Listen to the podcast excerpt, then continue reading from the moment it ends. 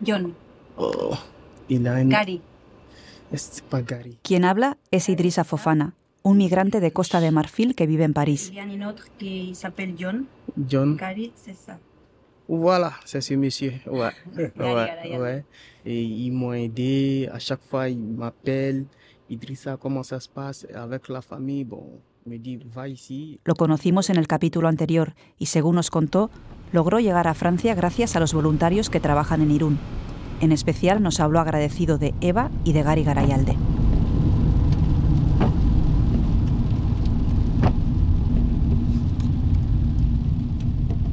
Gaur igual, jendarmeak egongo dira gordetan. Euriarekin, no? Igual gaur ona, egun ona pasatzeko. Gary es fotoperiodista.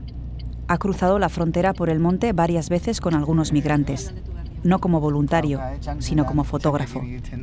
Las instantáneas han sido publicadas en revistas como Argia y bota.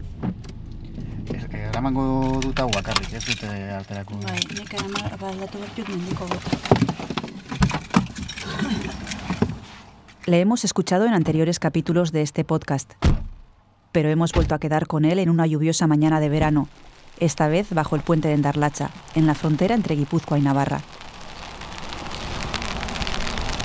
Mira, Me gusta. Él nos guiará en la recta final del camino que recorren los migrantes hacia Francia.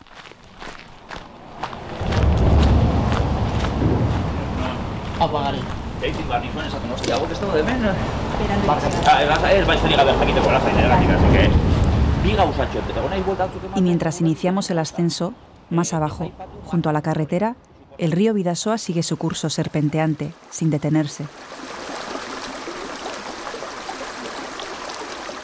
Aparentemente no es un río difícil de cruzar, no es demasiado ancho, pero en los últimos meses se ha convertido en la tumba de varios migrantes.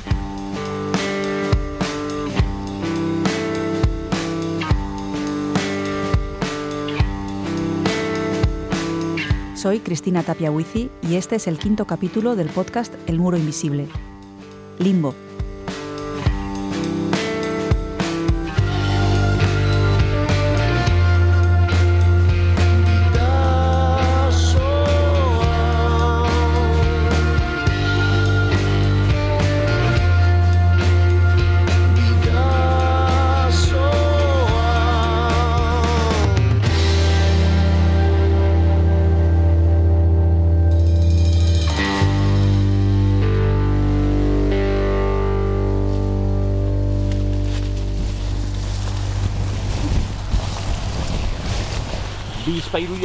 Izango zen, galdu zela mendian bat, eta ez zuzena itio egin zela, eta hemen polizia eta egon zen asko bilatzen, eta nizko ordutikan, beraiek ere konturatu direla asko. Al parecer, este es un camino quemado.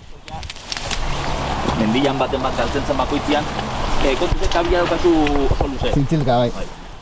Hoy en día los migrantes no lo utilizan, pero probablemente se volverá a usar en el futuro. Bai. Estamos en el puente viejo de Endarlacha. Hubo un momento en el que los inmigrantes lo empezaron a utilizar para pasar la frontera. Eh, eh. Siempre decimos que buscan caminos alternativos, porque cada vez que abren una vía es posible que la policía la descubra. Así que hay que buscar caminos alternativos. Y en un momento determinado empezaron a pasar por el monte. Bueno, por aquí ha pasado mucha gente. Esto se ha utilizado para el contrabando. Esto es lo que usó la red Comet. Lo utilizaba la red Comet para pasar de Iparralde a Egoalde en la Segunda Guerra Mundial.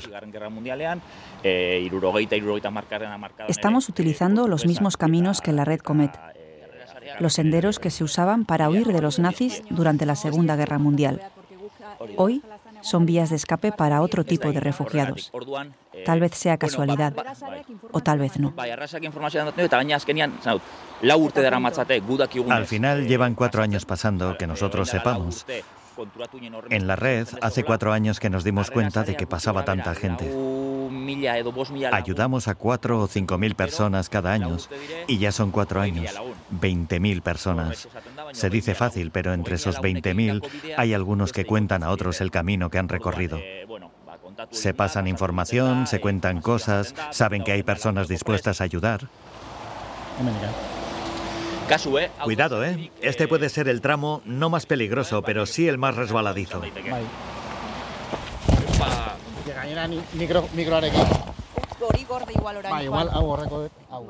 Las personas migrantes intercambian información como la de este camino de la red Comet en Darlacha. Este camino histórico y hoy sin policía parece fácil de atravesar, pero no lo es, de ninguna manera. Parece que hay otros límites, otros que no se ven. El problema es que vienen muy tocados, porque además ven que están en Europa y que ya está, que aquí se acaba. Pero entonces encuentran otra frontera, una frontera muy extraña para ellos porque no hay barreras, no hay policías vigilando, aunque les resulta muy difícil pasar. Y no saben cuáles son las armas que tendrían que usar para cruzar. Hasta ahora sabían que había que pagar el cayuco, sobornar a la policía, pero aquí no saben cómo manejarse.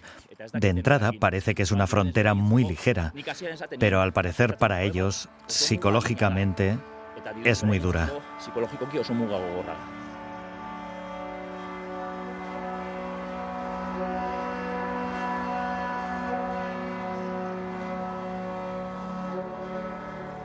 Todas las fronteras son difíciles, también la del Vidasoa. Lo que encontrarán en Francia no será más fácil. La mayoría no conseguirá el asilo y muchos vivirán en la calle, en el limbo.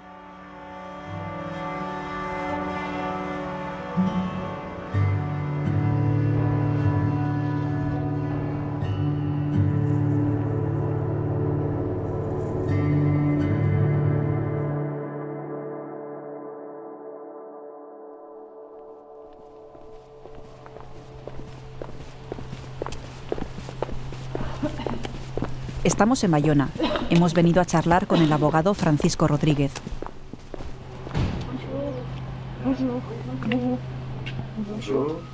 Su nombre, su apellido y su facilidad para expresarse en castellano ponen de manifiesto sus orígenes. Sabe bien lo duro que es empezar una vida nueva, de cero, en un país que no es el tuyo. Uno, dos, uno, dos. Uno, dos, uno, dos. Perfecto. Sí. Grabando. Venga. Su padre dejó Andalucía y marchó a Francia antes de que él naciera. Ahora, Francisco es abogado y trabaja con migrantes. Mi padre pasó por Endaya, mise en quarantaine en el año 63.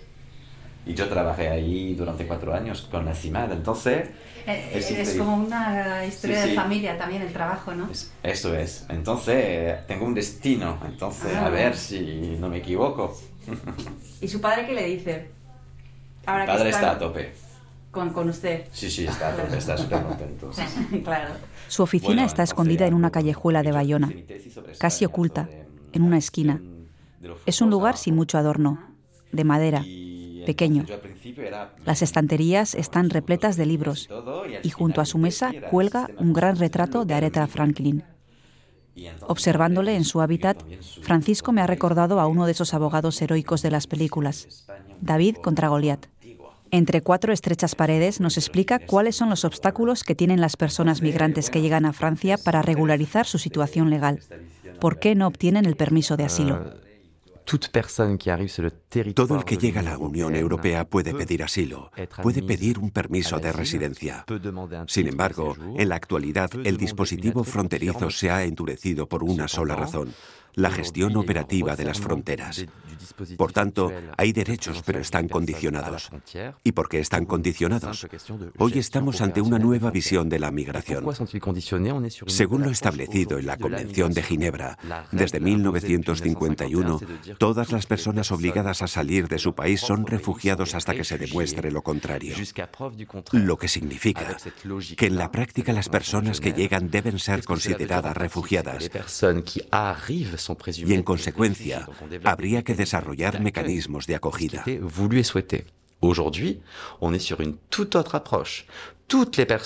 Todas las personas que llegan son consideradas irregulares hasta que se demuestre lo contrario. Lo que hace que los estados desarrollen mecanismos para detener parcialmente a los exiliados. Francisco Rodríguez nos lo explica con claridad. Contra todos los principios básicos de la legislación, estas personas son tratadas desde el primer momento como culpables. no como refugiados con derechos de acogida y asilo, sino como migrantes irregulares, a los que hay que aplicar mecanismos de expulsión y exclusión. En una palabra, como extranjeros, extraños. Hablamos de extranjeros. ¿Qué es un extranjero? Es la categoría administrativa de las personas no ciudadanas según el derecho constitucional. Pero esta gente que está llegando no son extranjeros, son exiliados, personas que han tenido que abandonar su país. Y también hay refugiados, los que han tenido que abandonar su país por motivos de acoso. Estas personas no son ni exiliadas ni refugiadas, son personas non gratas, que no cumplen los requisitos que imponen los textos.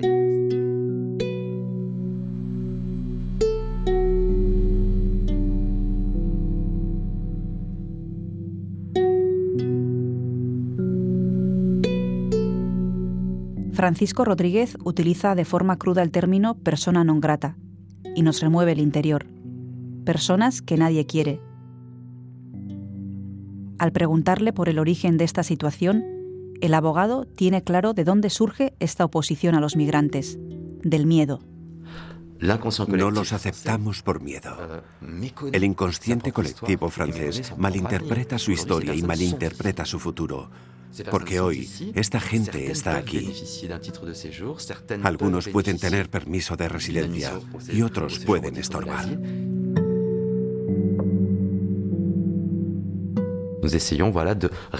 Lo intentamos.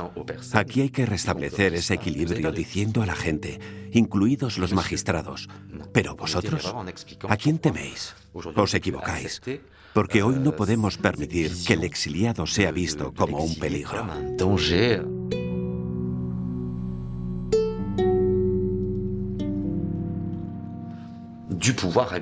Pero hay órdenes del poder regulador. Participan el ministro del Interior y el prefecto de los Pirineos Atlánticos para luchar contra la inmigración irregular. Está entrando en vigor un sistema que es político, legal y que es deseado. ¿Por qué deseado? Detrás vuelve a estar esa idea del miedo al otro, de que esas personas que llegan aquí pueden generar desórdenes. No se les puede identificar. Por eso existe ese sistema. Y todos lo sabemos.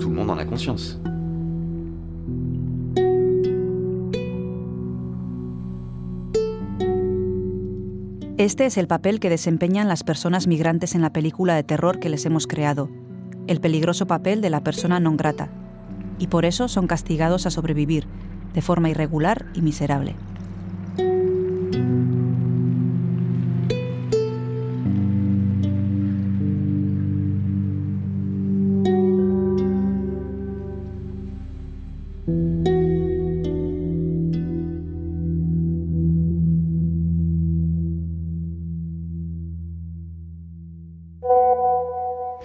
Hi, Christina. The camp and the demonstration is kind of the same thing, because the, the demonstration is in the form of a camp, which means that we Aquí hay muchas personas non grata. Como decía Gary Garayalde, el objetivo de la mayoría de los migrantes es París. Nosotros también hemos venido a la capital.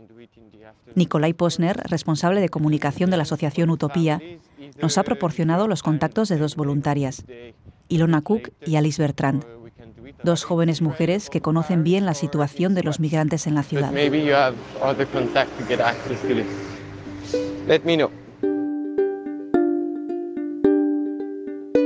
Su trabajo es a menudo clave para cambiar la situación de las personas migrantes. Les ayudan a encontrar un lugar de residencia y a reconducir su situación legal.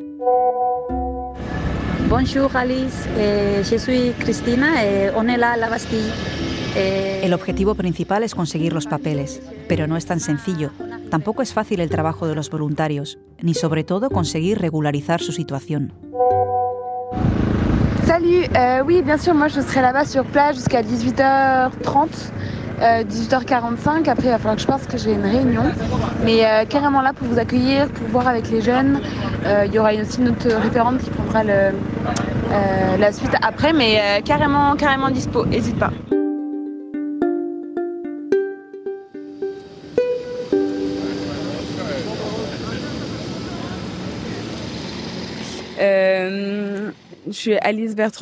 Soy Alice Bertrand y tengo 22 años. Estoy en Utopía desde noviembre de 2021. Alice nos ha llamado la atención por su juventud y por la determinación con la que habla.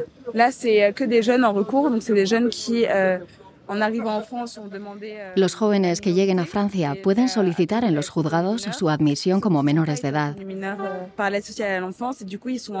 Han interpuesto recursos ante el Tribunal de Menores. Pero a ojos del gobierno, estos no son ni mayores ni menores de edad. No son ni una cosa ni la otra. Y eso provoca una falta de definición jurídica. Euh, du coup, un, un flou un peu juridique euh, dans lequel ils sont et, euh, y du coup, ils ont des, des rendez-vous euh, avec des avocats. Entre otras cosas, la Asociación Utopía acoge a migrantes menores de edad que llegan a París. Hace unos meses montaron un campamento en la icónica Plaza de la Bastilla con el objetivo de denunciar su situación. Allí tienen tiendas de campaña y generadores de electricidad y unas 60 personas viven en la calle, sin nada que hacer, bajo la mirada de los turistas y vecinos que pasan por el centro de la ciudad. Facilitamos a los jóvenes recursos para que duerman en tiendas de campaña como alojamientos de emergencia. ¿Dónde duermen en París? Muchas veces es bajo los puentes, en los parques. Hace unos meses decidimos instalarnos en un lugar bastante simbólico, una plaza en pleno centro de París.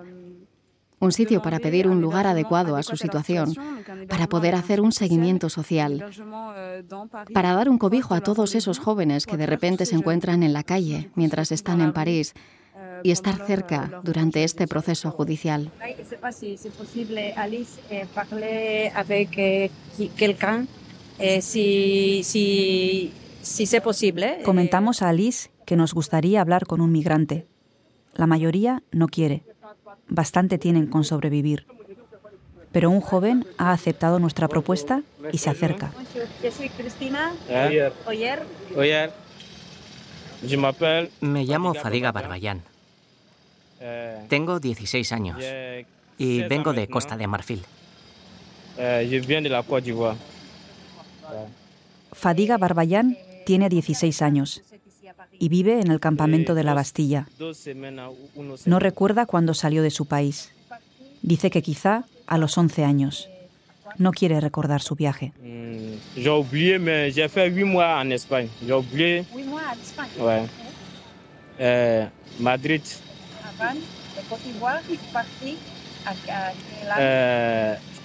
De años, oublié. Lo he olvidado, lo he olvidado, lo he olvidado.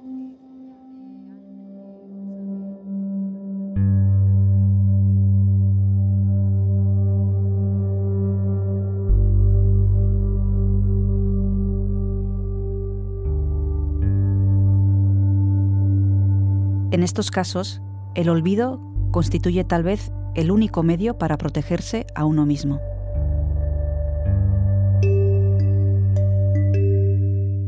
Ouais, il y en a espoir, mais pour le moment, c'est pas facile. No es fácil, ¿sabes? No es fácil conseguir comida. Eh, Con on el ruido de los coches, no se puede dormir de noche. Tenemos que ir a la escuela y no vamos. Cuando le preguntamos qué tipo de trabajo le gustaría tener, Fadiga nos responde que quiere ir a la escuela. Es capaz de hablar en su lengua materna, en francés, y sabe algo de castellano. Le comentamos que podría ser traductor, pero él lo único que quiere es ir a la escuela. eh, Para empezar, quiero ir a la escuela. Primero eso. Tengo que hablar con la escuela. Merci. Merci. Merci, Alice et merci, beaucoup à vous. Bonne journée. Merci.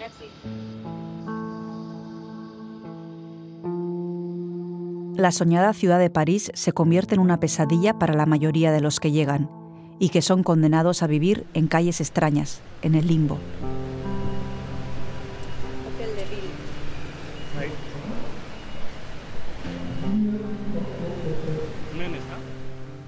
Dejamos la plaza de la Bastilla y nos dirigimos al ayuntamiento.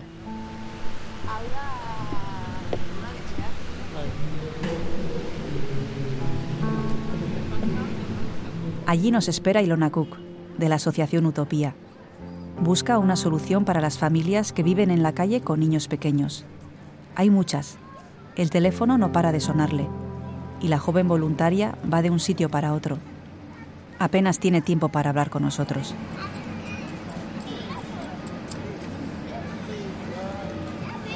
Mientras vemos familias con bebés. Hay bolsas de ropa en el suelo y dos niñas de unos seis años con camisetas de la película Frozen, juegan con una hoja.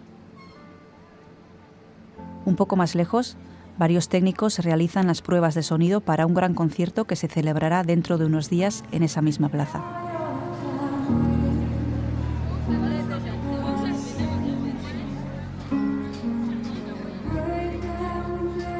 Ilona Cook, voluntaria, la cita con las familias es cada tarde, a las seis en la plaza del ayuntamiento. Registramos a las familias en WhatsApp, hacemos fichas, cada familia con su número.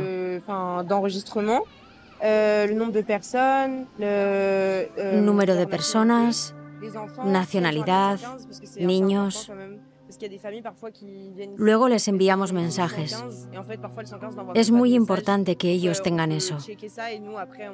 Y a la mañana siguiente también les orientamos. Por ejemplo, sobre su situación administrativa. Situación administrativa. Situación administrativa. Qué palabras tan frías y tan duras cuando estamos viendo lo que tenemos delante. La mayoría de quienes están aquí no conseguirán dormir bajo techo y tendrán que ser enviados a campamentos improvisados que se instalan bajo los puentes. Hay días y días. Ayer había 40 familias y desgraciadamente teníamos pocas soluciones para ellos. Así que ayer montamos un campamento de 39 tiendas en la zona de Bagnolet, bajo el puente de Montreuil y Bagnolet.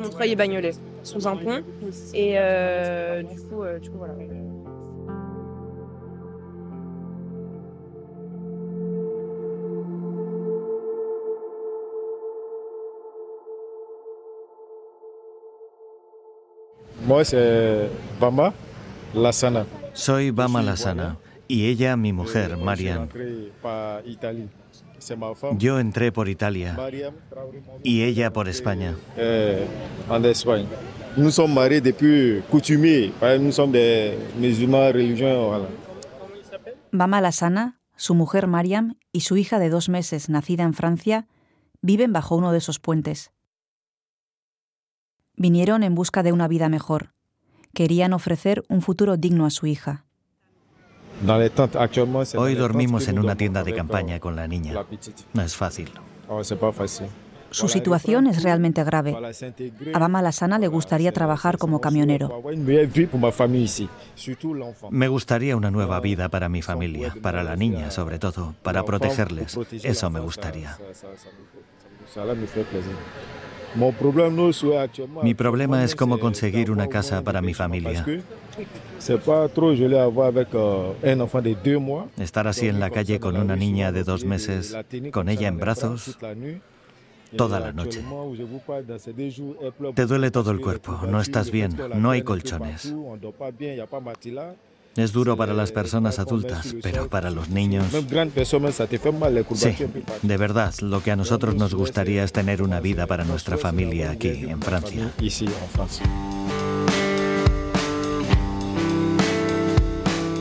Una vida con la familia. ¿Pero hay alguna esperanza de que esta situación cambie? ¿El muro se mantendrá intacto para siempre? ¿O tiene grietas? ¿Cambiará la situación para bien o cambiará para mal? ¿Cuál es el futuro de los migrantes? En el próximo capítulo, bueno, cada uno desde su ámbito hace lo que puede. Y yo creo que cada uno de nosotros puede hacer algo. No lo voy a negar. No tengo esperanza en los políticos. Tengo la esperanza de poder cambiar las cosas, pero directamente gracias a la gente, a las personas. Esperanza. Entonces, esperanza. Sí. Para seguir luchando, porque si no, yo no estaría luchando. Pero esperanza de que todo esto se acabe, de momento no tengo. O por lo menos nosotros no lo veremos. El Muro Invisible es una serie documental realizada por Ulu Media para EITV Podcast y cuenta con la ayuda de la Diputación Foral de Guipúzcoa. Yo he sido la directora y la productora. Xavier Echeverría, Martín Echeverría y yo nos hemos encargado del guion. Las grabaciones han sido realizadas por Juan G. Andrés y Oyer Aranzábal. También son suyos el montaje y el diseño de sonido, realizados en Ulu Estudio de la Sarteoria. Silvia Tapia Huizi ha trabajado como traductora y John García ha montado la versión en castellano. La canción utilizada como sintonía, titulada Vidasoa, pertenece al grupo Willis Drummond. Nuestro más sincero agradecimiento a los miembros de Irungo Herrera Sarea, a las asociaciones Vidasoa Etorquiñequín y Utopía, a los voluntarios y a todas las personas que han participado en este proyecto, especialmente a los migrantes que han pasado por Irún. A ellos está dedicado este podcast. Recuerda que puedes escuchar El Muro Invisible en EITV Podcast o en la plataforma que prefieras. Suscríbete y si te gusta, compártelo con la familia y los amigos.